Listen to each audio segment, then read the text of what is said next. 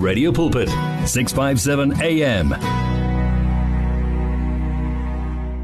Asithole ke eyanamuhla imotivation ukhona uBudivuyo lethu sibi yasawubona mfowethu. Hayi sesibahle njani? Ngiyaphila wena unjani? Ngiyaphila ngiyaphila. Angibingelele nabalaleli be Radio Pulpit. Amen. Bese kukhumbule last week. Hey kube isiphithiphithi bekumele ukuthi ngibuye eh eJohannesburg. So ngabona ukuthi hayi ngeke ngikwazi.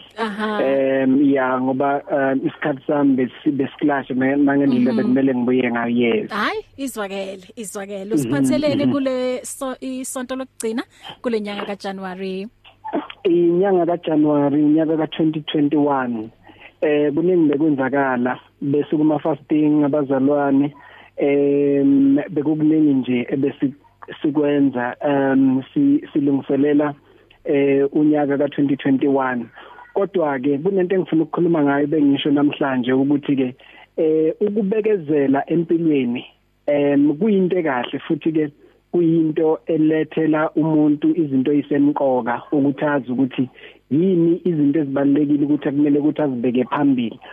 Kodwa while sabekezelile uNkulunkulu akabheka ukuthi ubekezelele kanjani kodwa ubheka indlela wena usuke usiphatha ngayo while usase indleleni yokubekezela ukuthi uye phambili okanye ukuthi uphumelele.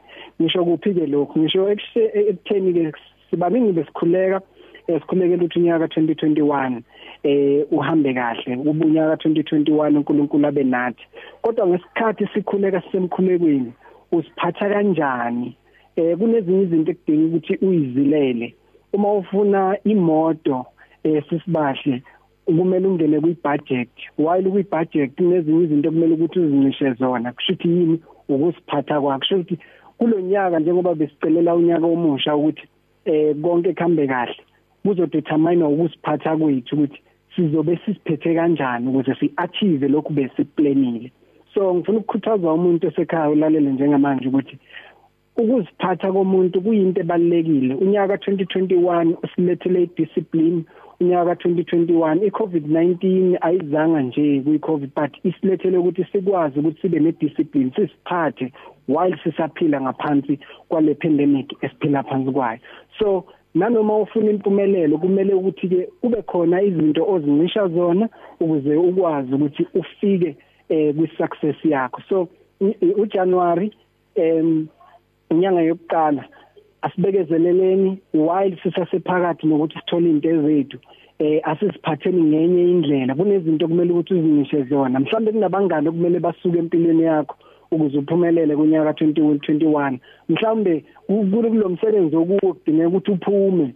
Ukuze uphumelele empilweni yakho. Mhlawumbe kwibusiness yakho kunezinye izinto ekudinga ukuthi uyishintshe ukuze ukwazi ukuthi uphumelele empilweni yakho. Mhlawumbe enkonzweni yakho kunabazalwane okumele baphume bayoseva kwenye inkonzo ukuze inkonzo iye phambili. Bathe uyazama inkonzo ayiyi phambili kodwa kukhona izinto okumele ukuthi zibe noshintsho ukuze ukwazi ukuthi buphunyelelwe kuyiwe phambili. Aw yebo. Impumelelo wonke umuntu nje uyayidinga. Kunamuntu ongavuka athi hayi mina ngifuna ukuhlala la ngikhona. Angifuni impumelelo. Um ikhona iminyango okuwukuthi kwamanje ngabonakala ngathi ivaliwe. Uma ungakayithathi action waphusha ubona ukuthi kuyavuleka yini. Ngeke wazi. So isikhathi sokuthi sisukume eh siphushe leminyango sibone ukuthi iyipi evulekayo. Vuyo thank you so much ukuthi uhlale nathi kule nyanga yonke kaJanuary em sengathi nje uNkulunkulu angaqhubeka alethe ibusizo phezulu kwempilo yakho. Uqhubeke nje nokwenza umsebenzi omuhle kakhulukazi em kubantu abasha. Sithi kuzondlula. Asibonge kakhulu sisibahle nethuba. Eh baningi abantu bese ngixoxa nabo sengithola umngana abangana abasha. Sibonge nethuba nje ngitholona eh sibonge ne radio pulpit for ukuthi sinikeze isikhathi esibaleke kangaka ukuthi sikwazi ukuthi sifinyelele kubantu sikwazi ukuthi sikhulume nabo. One bese semakhaya abanye babo. Amen. So asibagqugquzele ke abantu abasha ukuthi uma kukhona nje ababhekana nako kwamanje nikhona nina esikuzondlula ningakwazi ukuthi niba nibanikeze mhlambe into efana nabo counseling noma nikhulume nabo. Eh ngoba into engiyithandayo ningabantu abasha and uma uma abantu abasha bakhuluma nani nikhuluma nje language eyi1 niya understandana uyakwazi ukuthi urelate kwezinye izinto. So baxhumana nani kanjani? Um sikhona on our social media isikuzondlula motivational tour um it's it's Facebook. Oh. Yase officeini um it's 076 uh 64 91378 076 649138 even ne WhatsApp kuleyo number leyo ikhona. Um bese kuthi on my personal uh, um um uh, social media eh, ngikhona vuyelethu sibiya.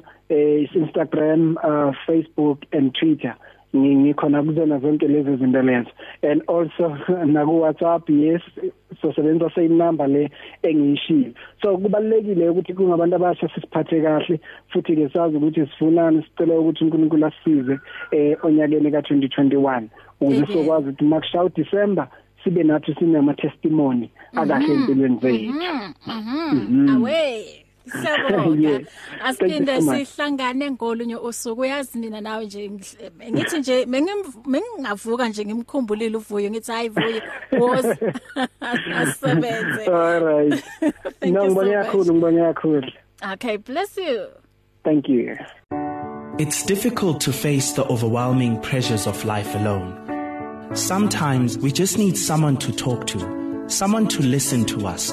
And what better way to do that than through a quick and easy WhatsApp text? Whether you're having a hard time coping with school, family issues, being bullied, depression, or anxiety, speak to someone who cares today.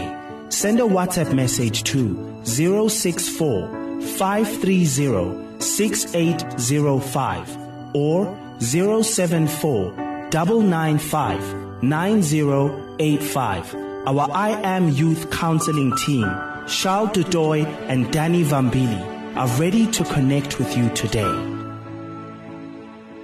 Our family is just getting bigger and bigger. Welcome to 657 AM.